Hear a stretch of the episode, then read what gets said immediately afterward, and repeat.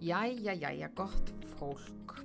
Síðasti þáttur ársins er runnin upp og gerstu þáttarins er engin önnur en Harpa Magnúsdóttir, stopnandi Húbla. Drifkrafturinn í hörpu er ótrúlur. Hún stóð á tímamótum í byrjun árs eftir 15 ára starf hjá Orf líftekni. Hún fann að það voru tækifæri í gigg umhverfinu og nokkru mánum setna var hún búin að stopna Húbla. Hún segir okkur frá þessu öllu saman á samt skemmtilegu samstarfi við Siggu Kling.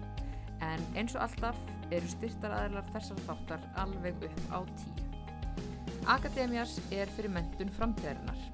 Akademias er þekkingafyrirtæki sem aðstofar fyrirtæki og einstaklinga við að búa til lærdómsvegferð sem opnar ný tækifæri til framtíðar. Akademia skapar verðmæti með því að sérhafa sér fyrirtækjafæðslu og nýta til þess fjölbrytta lærdómstækni hvort sem á viðum staðbundið eða starfrænt lærdómsumkörfi.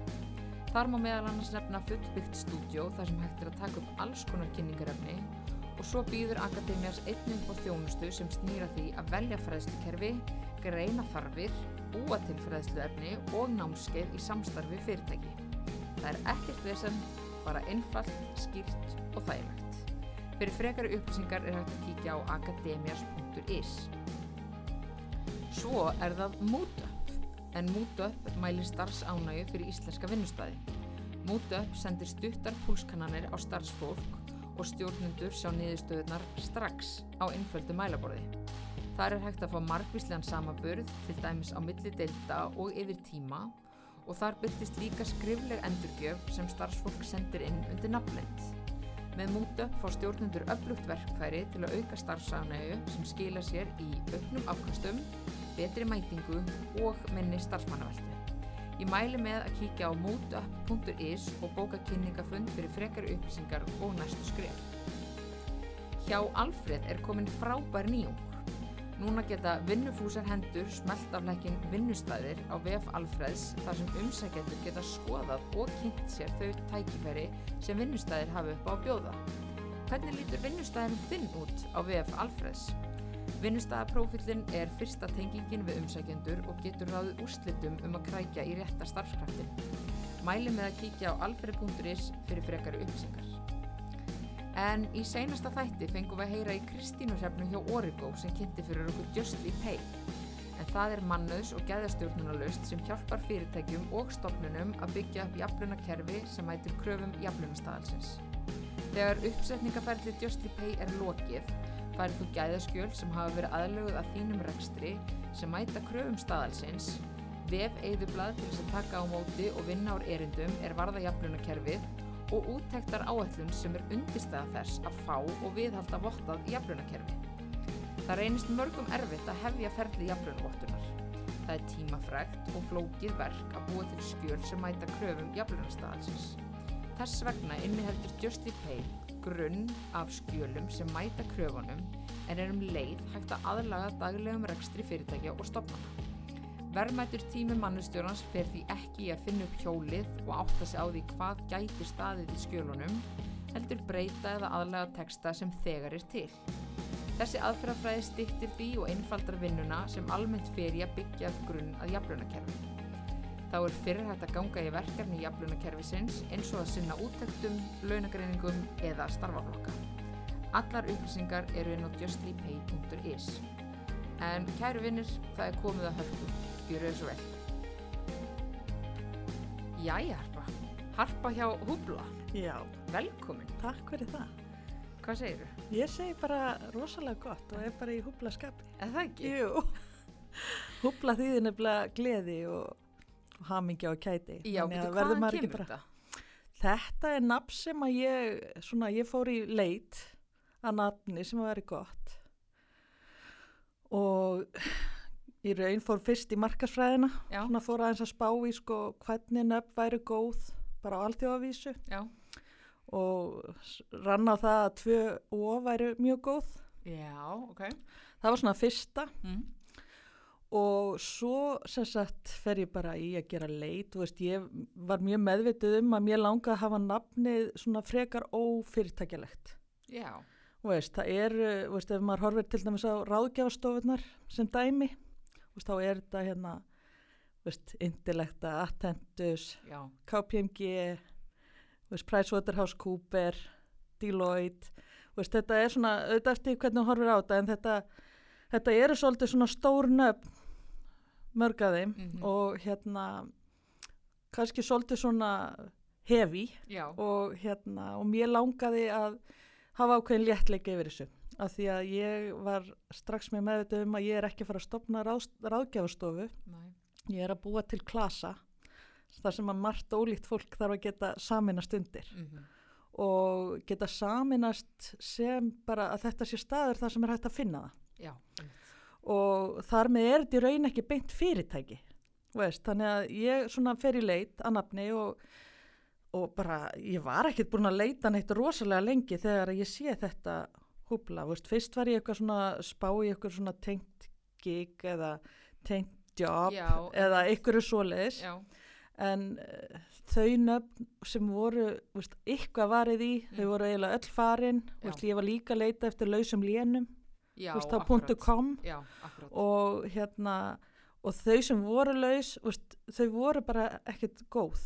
Og hérna og þá kemur raun húbla mjög fljótlega upp og ég hugsa bara þetta er bara, veist, þegar ég séðan gerir veist, googla já. hvað þetta þýðir veist, þá er þetta orði raun ekki alveg, í alvörunni til nema ykkur í enskri slangur orðabók já, ok, og þýðir þá happy eða very very happy ok. og hooray ah, ok. Þannig ég hugsaði sko, þetta er bara fullkomið að því að þegar ég hætti hjá orðlíftekni Mm. þá, veist, eh, mér hefur alltaf þótt rosalega gaman að vinna þar og vann þar í 15 ár, þetta er eitt þriði æfinu minni, Já, vá, svona lengi. þetta er ótrúlega langu tími Já. og hérna, og mér þótti alltaf bara rosalega gaman og ótrúlega gaman að fá að gera það sem mann finnst skemmtilegt og ég var bara starraðin í því þegar að, hérna, að ég hætti þar að það er ekkert láta á því, ég ætlaði bara að hafa gaman Einmitt, og bara halda áfram að gera eitthvað skemmtilegt. já og það var eiginlega bara svona grunnurinn í þessu og þegar ég sá þetta nafn þá hugsaði ég bara þetta er nafnið, ég þurfti ekki að leita meir Nei,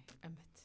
En þetta er þetta líka, hérna, um, ég man alveg þegar ég, ég sá þetta fyrst og hérna, við áttum líka bara gott spjall, að hérna, þetta er bara svona grípandi nafn. Þetta er svona, allavega mér fannst að ég var svona að byrja, hvað er þetta? já, Þetta er svona, ég var forvitin að vita og hva, hvað er þetta og hvaða nafn er þetta og þannig að ég held að það hafa bara tekist ágætlega til. Æ, takk fyrir, já ég veist, held líka bara fyrir okkur Íslendinga að þetta er Já. nú getum við bara hægt að googla og byrja að húbla ekki málið Þú ert með alls konar frasa. ég er bara, ég er bara, veist, ég er búin að skoða þetta allt sko. Vel gert, þú er búin að búa til í kringum. já, já, já, húbla því svo margt En sko. nákvæmlega, nákvæmlega, Ha. en bara geggjað. já, En hérna, um, þú ert náttúrulega bara nýfarn að stað með þetta. já, Um, segðu okkur aðeins frá húbla og já. hvernig þetta kom til og, og eins og þú sagðir áðan, ég menna þú, hérna, þegar hættir hjá orðflýttakni þá varstu staðræðin því að gera eitthvað skemmtilegt. algjörlega, þú veist, ég hérna, eins og ég segi, ég hérna kemur rosalega góðan bakgrunn búin að vera 15 ár hjá orf búin að taka þátt í því að fá að byggja upp svona fyrirtæki með þannig stofnendunum, ég kem til til að snemma inn í þetta fyrirtæki og þetta var ótrúlega mikið reynsla veist, þetta er að vera í svona sprota fyrirtæki og sem að byggist hægt og rólega upp í að verða bara, bara virt þekkingafyrirtæki. Og hérna og takast á við þessar sveiflur sem að fylgja svona fyrirtækjum, þetta er rosalega hæðir og lagðir Já, og sérstaklega svona fyrstu árin þegar veginn er að, bara svona vaksta kippir og, og annað. það er það og, og ég var í fjármálunum þannig til að byrja með og svona leiðist mjög fljótlega út í mannesmálin og fæ tækifæri á að menta mig með fram starfi hjá orf og setti mér markmið þannig árið 2008 að á tíu árum ætlaði ég að ég var með sér stúdinspróð þá að klára meistaragráði í mannustjórnun innan við tíu árum og mér tókst það Mm. og var náttúrulega með litla krakka á þessum tíma og svona og hérna en uh, það er ótrúlegt veganesti sem ég fekk bæði bara frá orf og að fá þessi tækifæri veist, ég fekk að bera alls konar hatta fekk hérna mannesmálinn til mín hægt og rólega og var raun rosalega fljótt komin með þau að ykkur leiti inn á mitt borð og í lokin náttúrulega alfarið. Mm og hérna og þegar hérna maður kemur út af því og mentunin sem að maður hafi líka að þá fór ég einhvern veginn út frá orf og ég hugsaði að mér langar að gera eitthvað sjálf. Veist, það var einhvern veginn það, veist, ég held að þegar þú ert búin að taka þátt í svona nýsköpuna fyrirtæki eins og orfir að þá bara það gerist eitthvað innra með þér. Þetta er rosalega spennandi það er mikil spenn í þér og veist, þú einhvern veginn ert alltaf að takast á eitthvað nýtt það kom einhver ó fyrir séð vandamálu upp sem bara þarf að leysa hvernig sem við leysu þau. Og ég hugsaði bara, mér langar bara að gera þetta. Mm -hmm. og hérna og ég held ég hafi bara mjög góðan bakgrunn. Veist líku náminu, ég tók hann nýsköpuna kursa þegar ég var í mistranáminu Já, og hérna og ég held að einhvern veginn því ég lappa út frá orf og þá var ég rosalega fljótlega komin svona já, ég ætla að hérna, gera eitthvað sjálf núna. Mm og fer bara svolítið svona út frá þessum fræðum sem ég lærði þetta í náminu að hugsa þetta þannig, veist, Ma, maður lærði að þarna út í þokunni væri alls konar tækifæri sem að væri ekki leist, veist, það væri þarna ímis, já, ímis verkefni. -hmm. og hérna og ég fer bara í svona ákveðna hugmyndavinnu og hérna aðeins að pæla í því líka út frá því hvað ég hefði verið að gera hjá orf veist, mannismálin, veist, ég hefði til dæmis alveg þegið á einfaldan hátt að geta fundið fólk í verkefni. Já, veist, þetta var það ekkit, hefur ekkert verið auðvelt að finna fólk í tímabundi verkefni. Nei. og ég held að hérna á Íslandi er þetta bara oftast leist með því að bæta höttum á fólk. Veist, allt í einu fólk komið með alls konar óskilda hatta á sitt borð. Og, og það er það er ekkit endilega gert af því að fyrirtækin vilja hafa þannig það er bara svo dýrst að ráða inn og verkefnin er ekki endilega orðin það stóra að það takið að ráða inn í heil starf fyrir það. Akkurat. og það tekur kannski tíma fyrir fyrirtæki vexti að, hérna, að slíkt verkefni verði nægilega stort fyrir heil stöðugildi. Og ég hérna, þarna var svona ein ástæðan svona fyrir því að ég svona hugsa húbla, það er veist, þetta að ég hef alveg geta hugsa mér að geta tekið fólk inn í svona verkefni. Akkurat. og síðan fór ég líka bara að pæla í þessu út frá sjálfur mér, veist, ef ég ætlaði núna bara að fara og vinna sem ráðgjafi, sem mannisráðgjafi og bjóða mína þjónustu til fyrirtækja þá stæði ég rosalega einn og þetta er rosalegur hafsjór sem þú allt í henni þá stendur frammi fyrir.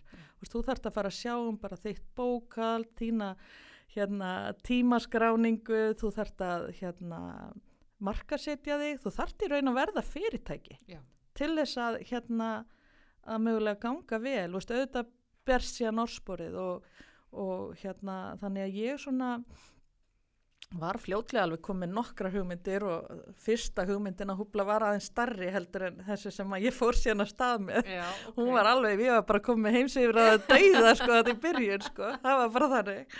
Og hérna og já, ég var alveg komið bara rosa stóra hugmynd og hérna fer síðan bara og fleiri hugmyndir, það voru alveg nokkrar og ég fer af stað bara með þessar hugmyndir og fer að bera þetta undir fólk sem er inn í svona þessu nýsköpunar umhverfi bara hvað finnst ykkur um þetta?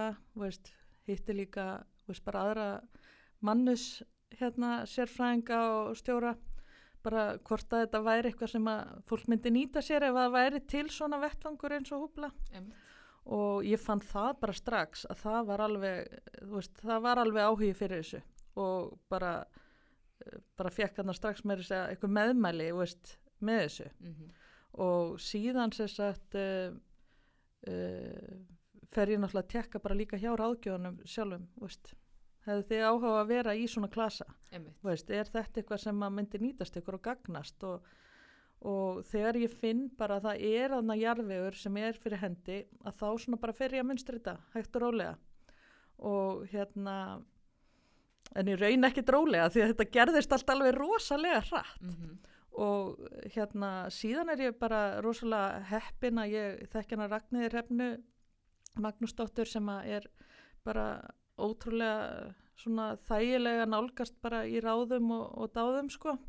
Og hérna hún hérna uh, hefur unni mikið innan nýsköpuna umhverfisins veist, er hérna stjórnaformaður í vísindaráði og og hefur unnið inn að rannís veist, hefur verið for, forstjóri fyrirtæki og, og bara stjórn, stjórnandi, bara fær, reyndur og fær stjórnandi og veist, ég svona er að bera þetta undir hana líka veist, hvort að þetta sé eitthvað sem að hvernig er best að fara á stað og svona og, og svo veist, er ég nú líka bara ákveðið drífandi sjálf sko. Ég er, er frekar svona eðlisfæri bara mikil dúir já ég er mikil dúir og hérna þannig ég bara kýli þetta áfram og svo hitt ég þannig bara að ég er komin vel að stað þegar ég hitti Herdísi Pálu Pálsdóttur hérna mannistjóra Deloitte Einmitt. og er að ræða þetta við hana því að ég frétti að því að þær væru að klára þannig að þessa rannsókn hún og Árelia Eitís um, varandi vinnumarkaðinn og þetta gig umhverfi og hérna og það var rosalega gott að hitta Herdísi Pálu og veist hún þarna var uh, bókin komin langt á veg veist, þau, þær voru búin að vinna sína rannsókn og hún í raun uh, veist, gat líka þá svolítið sagt mér veist, hver hérna svona hverjar raunverulegu þarfir giggarana voru af því að hún var búin að vera að tala við þá og hérna og ekki síður hún, hún og áriðlega þetta var líka um stjórnendurna Akkurat. þannig að hérna þannig að ég gæti þá líka svolítið nýtt með það inn í svona hugmyndafræðina og bakvið húbla og hérna og svo náttúrulega sá ég það líka þær voru að fara að gefa út þessa bók í september. Þannig ég hugsa með mér að það væri náttúrulega bara mjög snjált að bara kýla þetta áfram Mhm. og bara koma þessi í gang. Veist, þetta, veist, þetta er kannski ekki alveg 100% fullkomið en þetta er alveg nógu fullkomið og nógu starfandi til þess að þetta virki Akkurat. og hérna þannig ég hugsa mér bara hérna, ég bara byrja 22. september og það var bara deadline hjá mér veist, það var rosalega margt sem þurfti að gerast fyrir þann tíma, veist, ég þurfti að veist, þetta er eitthvað í mæ eða eitthvað sem að ég er að ákveða þetta að ég ætla að opna í september og hérna sumari framundan Sumari fór bara í þetta, veist, að gera heimasíðu og hérna og allt þetta sem þurft að gerast, veist, ég var líka búin að vera að tala við við fólk bara frá því, um- bara ég byrjaði bara að tala við sérfræðinga bara í örgla februar mass og byrja svona að munstra fólk inn í þetta samfélag Akkurat. og var að því bara í allt sömar líka og hérna ég var svo heppin að þegar ég vann hjá sendraði bandaríkjana fyrir mörgum árum síðan Mm. að hérna þá fekk ég tækifæri þar til að læra heimasíðugerð og sáum að setja upp heimasíðu sendraðsins hérna, hvað þetta hefur verið svona 2004 eða eitthvað, 2005 E, já, ok, þannig að þú býr þá væntalega Ég bjóða því sko, Já. þannig að ég bara aðeins þurfti að gramsi kollinum á mér og hérna og ég náði að bara veist, með hjálp aðeins ég byrjun til að koma mér að stað þá náði ég bara að vinna þessa heimasíðu og hérna og ég er bara já, þetta er bara búin að vera mikil vinna en þetta er líka búin að vera rosalega gaman. Mhm. og, og það sem er auðvitað skemmtilegast í þessu er að ég er búin að kynnast alveg rosalega mikið af frábæri fólki.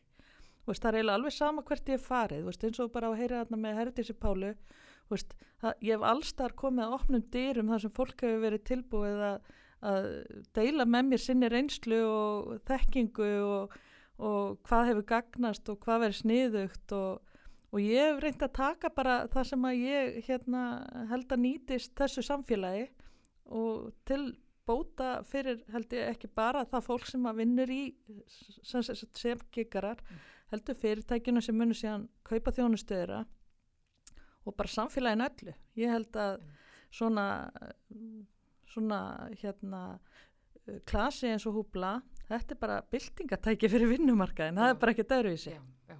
veist Ég held líka sko að þetta eru í hérna, fyrirtæki sem hafa verið að bjóða upp á eins og mannistjóra til leigu og fræslistjóra til leigu og svo leiðis. En ég held einhvern veginn að þetta sé bara hérna, um, þetta eru þetta bara svolítið framtíðin. það er bara er, þannig Það er bara þannig. Og ég held að það hafi bara ótrúlega snjált hjá þeir að einhvern veginn svona hérna, koma þér inn á sama tíma og þær voru að gefa út bókina. Því það er þetta bara svona uh, eigur eftirtektina á bæði þínu fyrirtæki og bókinu og einhvern veginn bara hvað er í gangi á vinnumarkanum mm -hmm. og hérna og mér finnst bara svo frábært hjá þér einhvern veginn að hafa bara kilt á þetta. Já, að bara einhvern veginn, veist, komið þess af stað að það er fullt af fólki að núti sem er til í að taka þátt í ykkur svona en svo kannski var bara ekki til vettfangurinn en nú ert þú búin að búa til hann vettfang og þá heldur þessi miklu auðvildar fyrir fólk að koma sér áfram og miklu auðvildar fyrir fyrirtæki að sækja sér þjónustuna og, og einmitt hugsa eins og varst að útskýra áðan bara heyrðu okkur, nú er ég með hérna eitt verkefni ég með hérna, þú veist, þrjá eða fjóra aðlega sem eru bókstarlega á kafi í verkefnum Mhm. bara, okkur get ég ekki bara kift Já, kift bara þeirri þekkingu inn Já. sem ég vantar. akkurát Það er nefnilega akkurat þetta, þú veist, af því að það koma upp í öllum fyrirtækjum ákveðin tímabil sem eru kannski bara of, ofstór veist, til þess að núverandi mannskapur ráði við það. Mm og það er bara, veist, það er rosalega erfitt ef þetta er reglulegt að alltaf að láta sama mannskapin hlaup, hlaupa aðeins hraðar alltaf. Akkurát, og það, veist, veist, þegar við tölum bara um svona eins og burnout og allt þetta sem við erum að ræða um í þjóðfélagin í dag að þá hérna þá getur bara svona hérna vettvangur eins og húbla bara leist þessi mál. Mm og bara á jafnræðis grundvellega því að innan húbla er þetta þetta er, veist, þetta er svona bara það er mjög mikil svona jöfnuður innan þessa samfélags.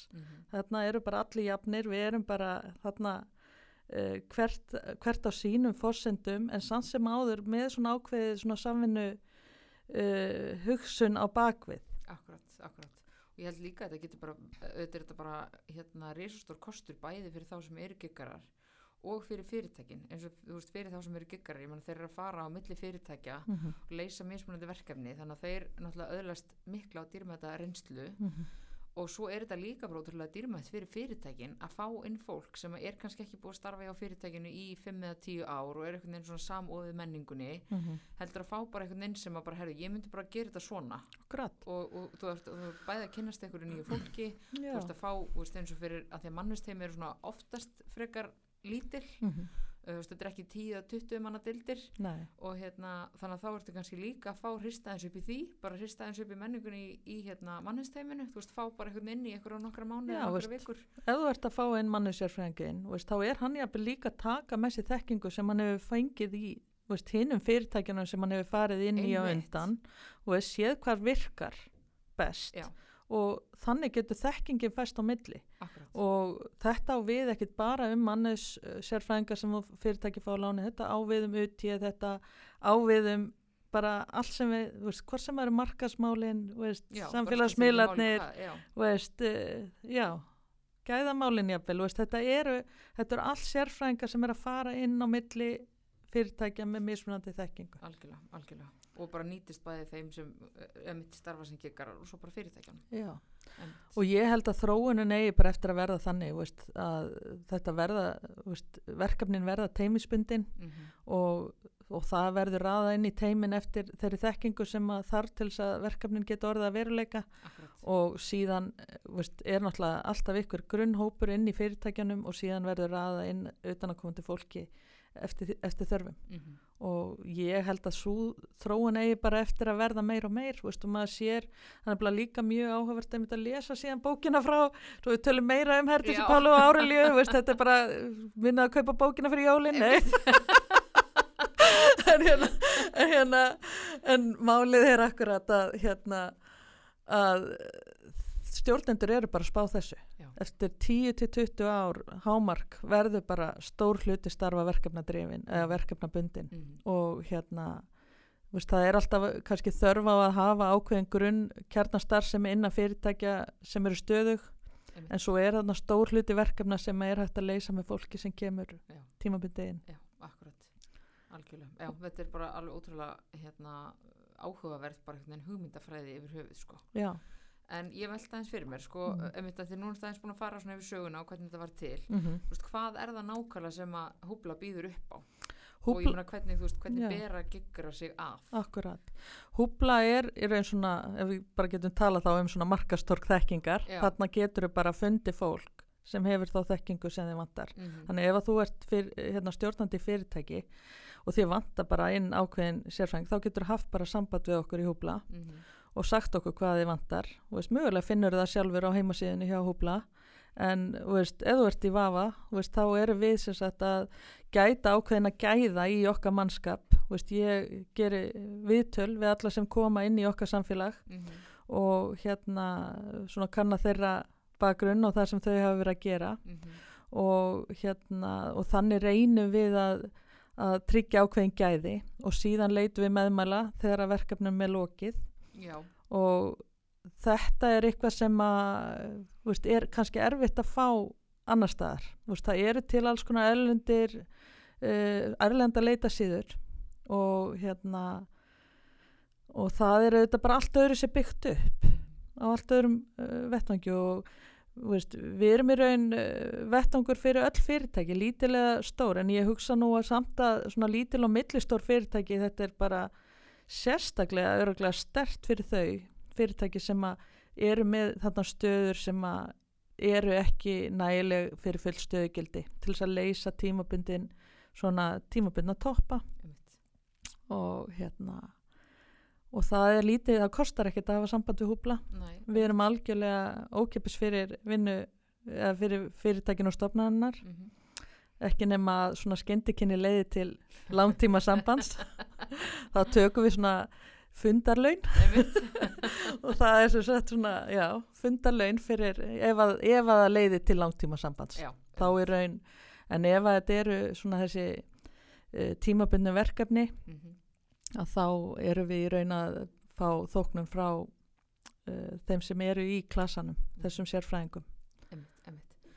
En þú veist, þessu hverju geta hverju geta verið giggarar og komið og starfaði í hópla? Veist, Er það bara allir einmitt að því við tölum um áðan, veist, Mm -hmm. uh, er náttúrulega augljóslega að fókusa á manninsmálin en svo náttúrulega, þú veist, hefur eh, svona verið í gangi eins og til dæmis á hérna, upplýsingatekni og, og allt þetta. Sko húbla, húbla veist, það er náttúrulega fullt af störfum í dag og hafa verið bara um ára tuga skeið verið gigstörf, við tölum bara um tannlækna og við tölum um Akkurat. pípara og rafvirkja og allt þetta, þetta er allt gigstörf Mhm, en uh, þetta er ekki sá hópu sem er innan húbla við erum í raun að tala um þessa sérfræðinga sem eru almennt innan fyrirtækja. Þú veist, við erum að tala um einmitt uh, tölvunafræðinga verkfræðinga uh, verkefnastjóra sérfræðinga á sviði hérna markasmála og mannusmála uh, sölumála veist, allt þetta og svo erum við þarna líka með stjórnend og markþjálfa og, og fyrirlesara. Mhm. Það er einmitt rosalega gott úrvala fyrirlestrum. Veist, það er einmitt rosalega áhugavert fyrir að því ég veit ofta að ég var að leita sem mannustjóri af góðum fyrirlestrum. Það er gríðalegu fjöldi af hérna, fyrirlestrum sem að er í bóði innan húbla. mhm, Af því þetta er bara ólíkur uh, uh, hópur mhm, sem að er í raun að bjóða ímist upp á sko bara algjörlega in details eitthvað niður í eitthvað fagsvið mhm, eða bara reynilega eitthvað kvartningu og eblingu fyrir hópin einmitt. og en allan að þetta er sem sagt húbla er sagt fyrir eh, hérna þessa sérfræðinga sem er að skapa virði fyrir vilja og geta skapa virði fyrir sína viðskiptavinni mhm, á þessum verkefnabasis. Mhm. og hérna og það á líka við um svona sérfræðinga sem að eru jafnvel að taka sér að vera bara í 10% hlutfall, hlutfalli Já, þetta er ekki bara endilega tímabundið Já, heldur líka bara veist, fyrirtækinu vanta bara gæðastjóru til að koma inn einu sinni í viku eða einu sinni í mánuði eða veist, bara allir að halda hlutunum í réttu horfi.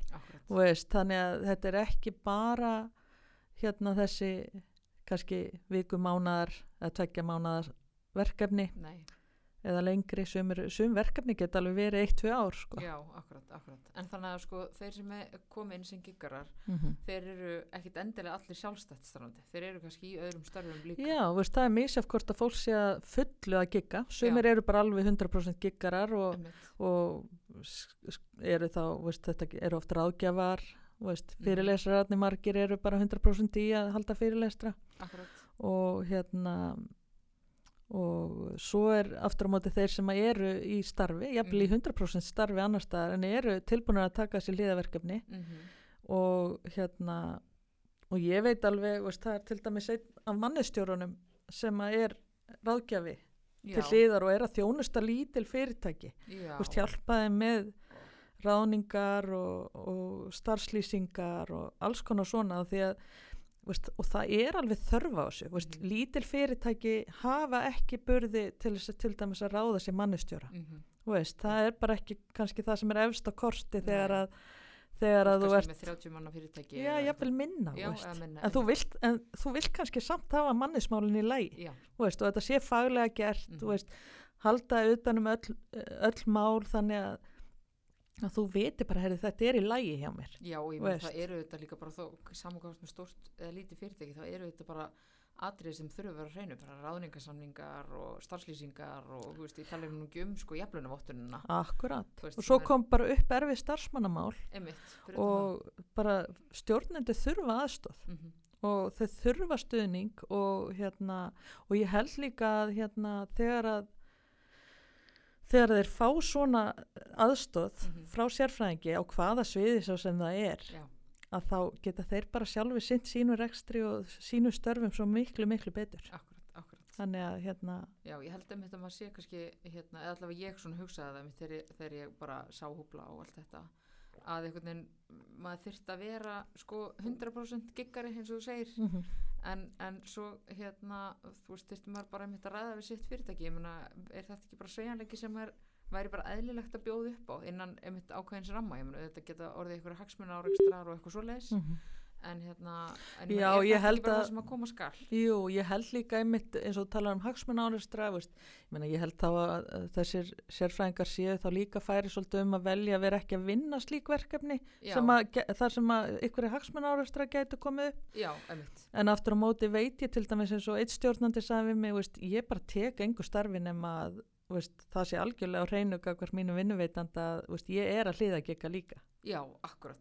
Veist. já, og það er bara, það er ekki bara það er ekki út af peningunum sem nei, viðkomandi nei, einmitt, þetta er bara eitthvað sem gefur Já. viðkomandi eitthvað, já, ekstra í lífsgæði og og og allt. tengslanet og, veist, og bara svo er þetta líka veist, eins og í mörgum tilfellum líka eru menn að halda fyrirlestra veist, menn og konur skulum við segja og bara öll kyn Mhm. veist, geta verið að halda fyrirlestra um það sem það eru hérna sterk í.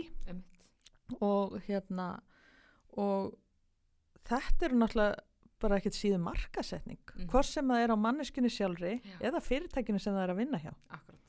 Ef við hugsaum bara til dæmis um hann Steinar Þór sem er markastjóri hjá já, Play.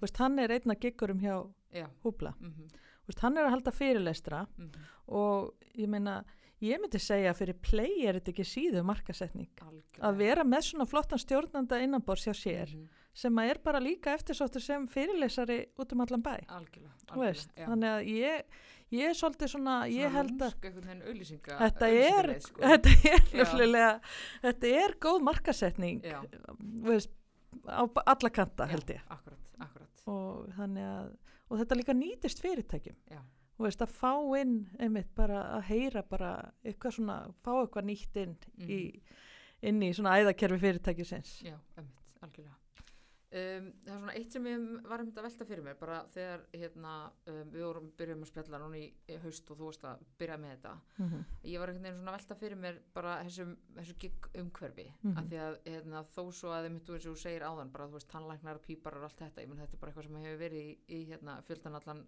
ára um, og ég er svona að velti fyrir mér bara eins og einhvern veginn markaður í dag Já. heldur að sko húbla hefði gengið upp fyrir 5 eða 10 árum Sko ég held það eru náttúrulega, það eru fullt af ráðgjöfum sem eru búin að vera að starfa um ár og áratuga skeið mm -hmm. og ég er eiginlega alveg samferð um Já. að ef að það hefði verið til eitthvað eins og húbla fyrir 5 eða 10 árum síðan Mm þá hefði þessi hópur fagnað slíkum vettvang -hmm. af því að það sem ég skinja opaslega stert það er að veist, ég er ekkit bara með giggara sem að þurfa á okkur markastunningi að halda það er alls ekki þannig. Nei. því að hérna þarna eru oft bara reyndir ráðgjafar sem að eru bara algjörlega búin að koma sínu nafni fyrir og bara eru algjörlega fullfæri sjálfir uh, með sitt nafn og sína þekkingu og sína reynslu til þess að komast í verkefni. Og en aftur á móti það að hafa svona að tilheyra ykkurum stað og ykkurum uh, svona klasa eins og húbla er veist, það, að því að húbla er raun ekki síður bara svona félagslegur og, og faglegur stuðningur. Mm -hmm. veist, við viljum hérna skapa svona ákveði backup fyrir hvort annað. Akkurat. Og veist, ég hef líka veist, í raun, veist, ef við hugsun til dæmis bara um hérna, bara heimsmarkmið saminuð þjóðana, veist, ef við förum aðeins þangað. Húbla hérna er í raun alveg ótrúlega stert á öllum sviðum, veist, bara mjög mörgum af þeim hérna ef við tölum um box Akkurat. þar innan Já. að tikkar í mjög mörg box af því að veist, þetta er atvinnuskapandi þetta er hérna það er ákveðið jafnræði í þessu það er veist, jafn, rétti Mm -hmm. og það er hérna já það er bara svo margt sem að, sem að snýra þessu þetta minkar atvinnuleysi af því að hérna fólk sem að jafnvel getur ekki af einhverjum ástæðum unnið 100% vinnu það getur kannski unnið 10% eða 20% vinnu eða tekið þessi einstaka verkefni Mhm. og ef maður hugsa þetta svona að gig getur nýst á mjög margvíslegan hátt út í samfélaginu og verið samfélaginu til góða veist, það er eh, veist, uh, ég tók eftir núna eitthvað tíman í vetur eða haust að hún drífa snædal hjá hérna ASI fór svona gaggrín aðeins uh, þessa gig umræðu Já. Og, og það er bara gott og vel, veist, þetta var auðvitað gríðarlega erfitt hérna á, á krepputímum þegar að menn höfðu ekki vinnu og, og óvissa var um störf Einmitt. en við erum bara að tala um svo gjör ólíka tíma núna og þegar að menn stóðu á breykju í vonum að fá að fara á sjóin þann daginn Mhm. núna í dag, veist, erum við bara að tala um að landamæri eru orðin svo eru svo horfin Já. Fólk er að vinna hvar sem er og hvena sem er fyrir hvert sem er. Veist, það er bara svolítið þannig. eða, Já, alls konar eh, vinnuform samþygt sem að var ekki samþygt bara fyrir ekkert svo rosalega mörgum áru síðan. Einmitt. og Og- náttúrulega bara þessi sveginlega vinnutími og allt það saman hvort þú sést fastraðan þá er bara þessi sveginlega vinnutími og þetta sveginlega vinnu umhverfi það er bara allt annað. Já. og hérna og hún talaði líka um bara veist, upp á réttindi og annað veist, ég held bara að, sagt, að stjættafjölegin og verkalýs umhverfið þurfu bara kannski að fara að huga að þessum hóp frekar heldur en að halda að þetta verði ekki að raunveruleika. Veist, þetta er bara komið til að vera. Mm og hérna og víða erlendis er bara, eru stjættafélagin farin sérstaklega og ekki bara stjættafélagin vinnustæðinir farin að, að hlúa að gigurum og það á bara pottið, það sem gerist annar staðar gerist hér líka. Já. Og hérna og það er líka þú veist, ef maður horfið til dæmis bara eins og félag líkilmanna veist, þeir eru með sagt uh, uh, hvað ka- kallast þetta hérna dáttu varðið úr mér hérna uh, vinnufallstryggingu. Já, þannig að þú veikist veist, þá færðu trygg þetta er náttúrulega bara hálfgerð tryggingafélag ef maður getur hugsað þannig. Að eins og fyrir giggara þeir náttúrulega eh, það sem er kannski, veist, að því að tala um atvinnu, að sé sagt ekki atvinnuöryggi í þessu. En í raun ef þú byggir upp svona ákveðin buffer eða svona byrðir sjálfur til atvinnuleysistryggingasjóð akkurat. sapnaðir í þryggja mánaða sjóð eða Já, segjum þryggja til sex mánaða sjóð það er svona yfirleitt uppsagnafresturinn sem fólk hefur ah, á vinnumarkanum í dag. Mm. að þá ert í raun ekkert með minna atvinnuöryggi heldur en í bara í vennilegu starfi. Nei, þú veist, ef maður hugsa þetta bara svoleiðis. Já, akkurat. Og hérna, og, þú veist ekki að ég sé að segja endilega að gigga ég við um alla. Veist, það, þetta henda pottit ekki öllum. Nei, en möguleikin er hann fyrir hendi fyrir þá sem að vilja og þá sem að geta. akkurat. Og það er náttúrulega fullt af fólki sem að hérna, langar að stýra tíma sínum betur vera svona meira með meira frelsi Mhm. og annað og, og meða við svona það sem að ég heyri og veist, á þess að ég ætla að halda ykkur fram en veist, eh, þetta eru bara rannsóknir líka sem að virðast vera að sína að það er bara ákveðin reyfing á markanu núna veist, það er bara fólk er meira að hugsa sinn gang kannski meira heldur en hefur verið út af COVID Einmitt. að hérna að fólk er bara meira tilbúið til þess að færa sig til fá þann sveigjarleika sem það vil Mhm. og allt þetta Einmitt. sem að hérna sem að náttúrulega ykkurir fara yfir í það að vilja gigga að hluta til eða veist ég var einmitt eh, hérna bara núna í síðustu viku eða þar síðustu að koma með einn eh, húbla podcast áttar sem að hann var einmitt eftir 25 ára starf sem stjórnandi Einmitt. að fara í 50% starf og ætlar að, að gigga sem sagt með Já. Og svo hægt og rólega jafnvel að fara bara alfarið að gigga ef, að, ef það gengur vel. Akkurat. og það er náttúrulega rosalega sniðut líka að bara prófa þetta veist, fyrir þá sem vilja að gera þetta. En eins og ég segi þetta á örglega ekki við um alla. Þetta krefst náttúrulega ákveðnar svona ákveðna staðfestu held ég. Algjörlega. Og maður þarf náttúrulega að, sérstaklega maður ætlar náttúrulega að vera í 100% starfi og, og gegga eitthvað með, þá þarf maður náttúrulega tímastjórninu þarf náttúrulega að vera lægi, þetta má ekki bitna á hinni vinnunni og allt já, þetta það er nefnilega akkurat það, maður þarf náttúrulega að stýra þessu svolítið vel sjálfur mm En það krefst held ég mikil saga Já. og ég sé alveg bara á þeim ráðgjöfum sem hafa verið að vinna í lengri tíma sem ráðgjöfar Mhm. þeir eru bara mjög agaðir Já.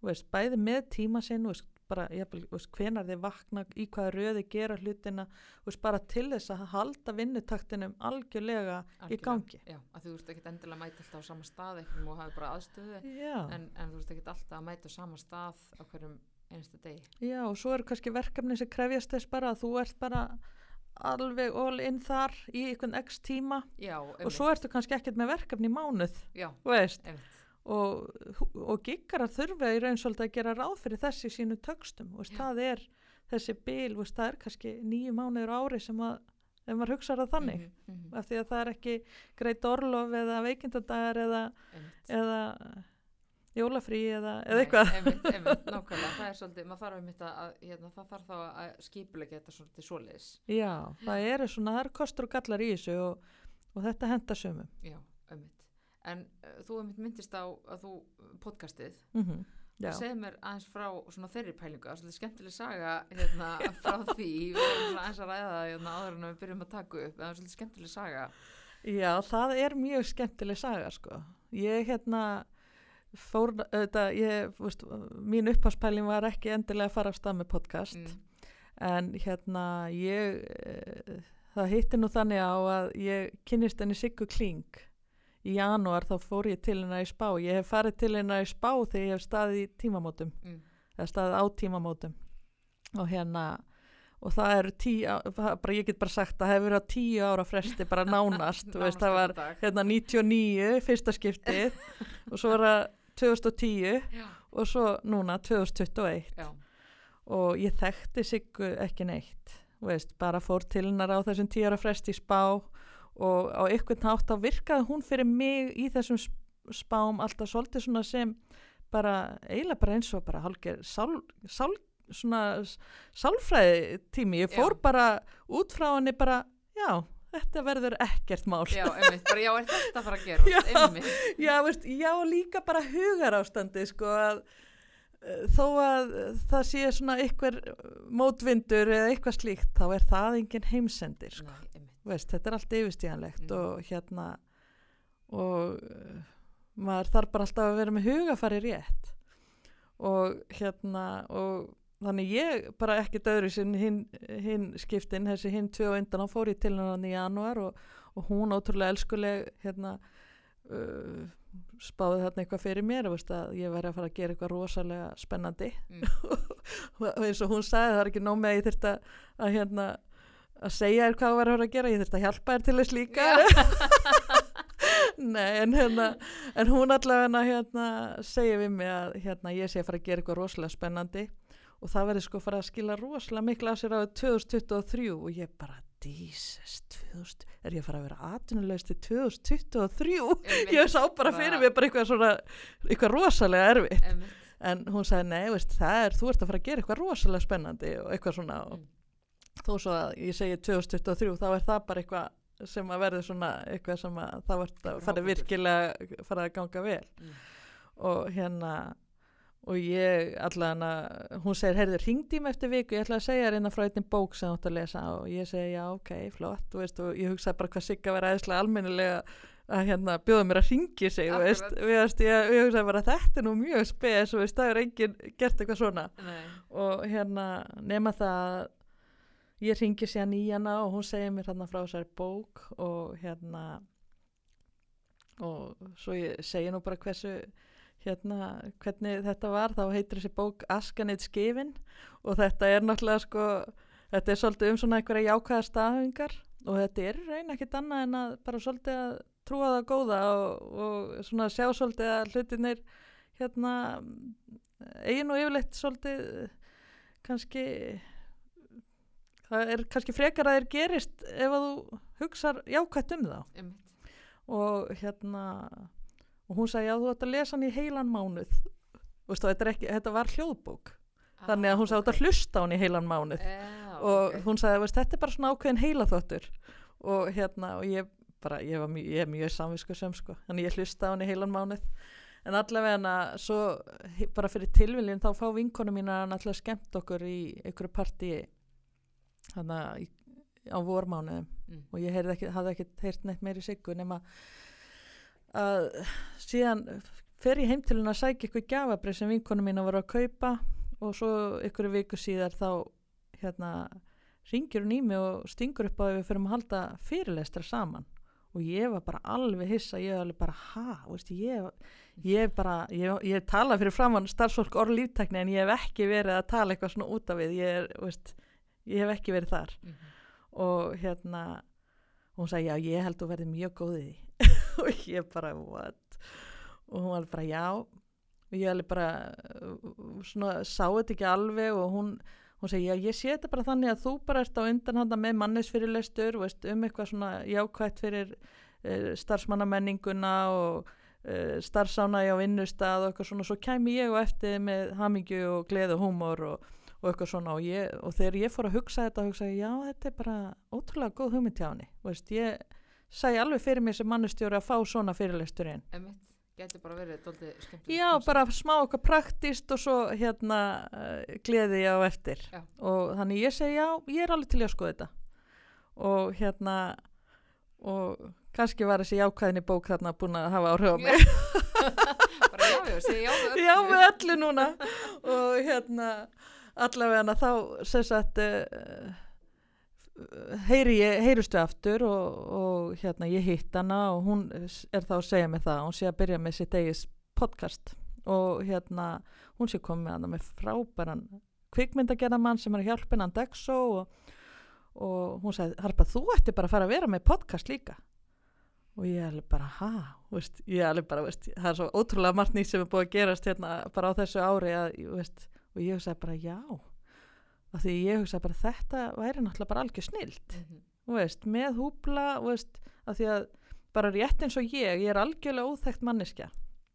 Og flesti þeir sem vinna sem sérfræðingar og ráðgjafar svona á baku tjöldin veist, þetta er ekki þekkt fólk. Það er ekki svona þekkt andlit út í samfélaginu, langflestir. Um, og líka bara í þessum sko, hérna, mannus heimi í rauninni, veist, það Mhm. eru ekkert rosalega margir sem eru svona, þú veist, þú veist, maður veit ekkert hverjir allir eru allstaðar. nei, einmitt. Þannig ég sá þetta bara svolítið að því að, að þetta gæti bara verið tækifæri sem markastæki fyrir húbla. Og hérna og þannig ég segi við Sigur bara heldur að veist, Dexo væri til í að vinna með mér veist, hann þekki ekki neitt veist, að ég viss alveg að Sigur náttúrulega bara fræg, vi- vindi hver sem er vilja vinna með henni. Einmitt, og hérna en svo veit maður ekkert með einhvern ungan kvikmyndagerðamann hvort að hann sé Já. til í að fara að vinna með mér og hérna og hún sagði já ég læt hann allan að vita þér. Og svo hérna fer ég að hitta hann. Og hérna og hann bara já bara það væri bara gaman. Og hérna þannig við förum að stað með þetta podcast. Og það hefur verið ótrúlega gaman og það var líka ótrúlega gaman að segja frá því að einhverjum svona tveim, þreim þáttum síðar þá segir Dex á mig, hann sagði, veistu Harpa, ég sagði þér fyrst nei. Nei! það er bara, bara sigga þurfti sko að snúa upp á hendur á mér. Já, en máli var að, veist, ég skil hans hann svo ótrúlega Já, vel, þú veist, og ég, svo bara, ég meina, hver, hérna, fólk hefur bara rétt á því að velja, sko. já, ég meina, ég er bara svona venjuleg manneskja hérna, algjörlega óþægt, veist, en hann sagði, ég sé sko ekkert eftir þessu, Æ, rosalega er þetta búið að vera er gaman. Það er geggja hrós. Já, það var brókislega gaman og, veist, og ég kann svo vel líka að meta svona innlagni og heiðarleika, þannig ég var bara, já, bara, já, ég er bara rosalega þakklátt fyrir samstarf mitt við Siggo Dexo. Mhm. Það hefur bara verið ótrúlega skemmtilegt og bara gaman að vera heimi á Siggo, þetta er náttúrulega æfintýri heimur út af fyrir sig Algjörlega. Og eins og Já, stúdíóið er mitt bara heima hjá Siggu. stúdíó er einmitt heimi á sig og það er einmitt önnur skemmtileg saga að segja frá því að veist, ég talaði einmitt við Jón Björnsson hérna fórstjóra á Origo hérna á einhverju tímapunkti hérna þegar ég var að byrja og, og hérna og vera að segja hann um að ég sé að byrja með þetta podcast og ég var í vandræðum hann með, mér vantaði myndavél og eitthvað og, og hann segir bara harpa, akkur, akkur notar ekki bara eitthvað þessum stúdjóum sem er hérna út um allan bæ, mm. veist, það er örgulega bara 10-20% nýting á þessu. Akkurat. og hérna og ég sagði já, það er alveg satt. En það er bara ekkert stúdíón einstæðar í bænum sem er með Siggu Kling og tvö falli ljón hann fyrir utan húsið. Og, þetta er svo mikið það er svo mikið ævintýri líka fyrir fólk sem kemur hann heim til hennar og hefur aldrei komið hann og veist, líka bara eins og við Það vitum sem að sko. Já, líka bara eins og við vitum, veist, við erum all bara í okkar störfum, við erum, okkar, við erum sérfræðingar og við erum fagmenn, veist, við erum bara alla daga pæli að gera hlutina vel Mhm. í því sem við erum að gera og ég er að tala við þessa sérfræðinga. Það að komin í umhverfi sem er svolítið svona ævintýra gjant, veist, það er bara svolítið bara svona eitthvað fyrir, að örfa bara eitthvað hérna, sköpunar, ykkur sköpunagáttir, sko Einmitt, einmitt. og hérna eins og ég með hún hérna í samstarfi henni Byrnu Dröfn Já, sem er nú öll í sköpunar hérna sköpunargáfinni og Mm. sköpunar tækifærum og öllu þessu ég held að það veri svona samstarfi eins og með Sigur Klingun Byrna myndi gefa mér alveg tíu stíð fyrir þetta sko. já, nokkulega. Alveg Þetta líka bara, hérna, eins og við rettum aðeins á hann, ég meina, uh, Sigga, hérna, býður þetta og ég meina, af hverju ættum maður að segja nei við svona tækifæri? Hverju Nei, maður ekki bara segir bara- og, og, og sjá hvernig þetta þróast? það er eins og einn sagði, maður bara segir ekki við Sigur Kling Já, fyrir utan það. fyrir utan það. Það er svo bara allt annað pakki, sko. Akkurat. Já, já, allan þetta hefur verið rosa skemmtilegt og hérna, og ég verð líka bara að segja bara allt þetta húbla verkefni frá því ég byrjaði, auðvitað hefur margt reynda og veist, ég ákvaða að fara bara á stað með mitt eigið sparifér til dæmis Mm til að byrja Einmitt. Og, og þetta mun taka tíma veist, ég er alveg samfærið með þessi talina siggu þannig 2023 á öruglega bara eftir að standa veist, ég verð kannski ekkert farin að hérna, sjá mikið ávinning sjálf, eitthvað á, allan ekki á þessu ári og ekki veist, frábært að það myndi gerast á næsta ári. En hérna en, en ég er allavega svona bara, ég er bara þólimáð mér finnst þetta ótrúlega gaman og ég er bara búin að ákveða það og meðan mér finnst þetta skemmtilegt þá ætla ég að gera þetta Mm ég ætla aldrei að gera eitthvað sem mér finnst leiðilegt Einmitt. og hérna og á því getur maður algjörlega kert sjálf að sig svolítið áfram Algjörlega. ótrúlega lengi sko Já. Ég held að þetta sé bara geggjuð lokárið hjá þér, Harpa. Þetta alltaf svona mjög hvetjandi fyrir þá sem að bara svona langar að fara að gera eitthvað og eru að gera eitthvað. Að hérna, að það er einhvern veginn, um, ég held einhvern veginn ef maður bara finnur einhvern veginn sjálfur að mann er langar að gera eitthvað, þá held ég að maður er bara að kýla á það. Auðvitað eru alls konar praktískir hlutir sem að þurfa að vera á hreinu, Já. en ég held samt að, að maður þurfa einhvern veginn að reyna að finna eitthvað leiðir til þess að, að framkvæma. þetta er alveg rétt Já. og við getum þetta öll þetta er, veist, það býr alltaf ykkur eldur inn í okkur öllum Einmitt. Og við þurfum bara að finna að fara við, fyr, fara við fyrir hann Já, algjörlega. mm -hmm. eins og ég sagði, geggjuð lokaorð þúsund takkir fyrir að hérna koma og ég bara mæli með húbla og húbla podcastinu og öllu saman Takk kærlega fyrir og líka bara til að hafa ekki með þitt hérna allt. Ég er náttúrulega, þú varst mikil fyrirmynd fyrir mig, alveg satt og hérna gott að hafa svona hvern fyrirmynd líka í svona podcast gerð. Mér Já, fannst þú svona mjög sterk í þessu. takk fyrir, það var, ég held að það hafa ekki alveg verið upplegið að hérna, þegar ég byrjaði með þetta að vera eitthvað fyrirmynd en það er bara gaman ef að það er þróun sko. Það er bara þannig. takk fyrir Já, takk sem leiðis.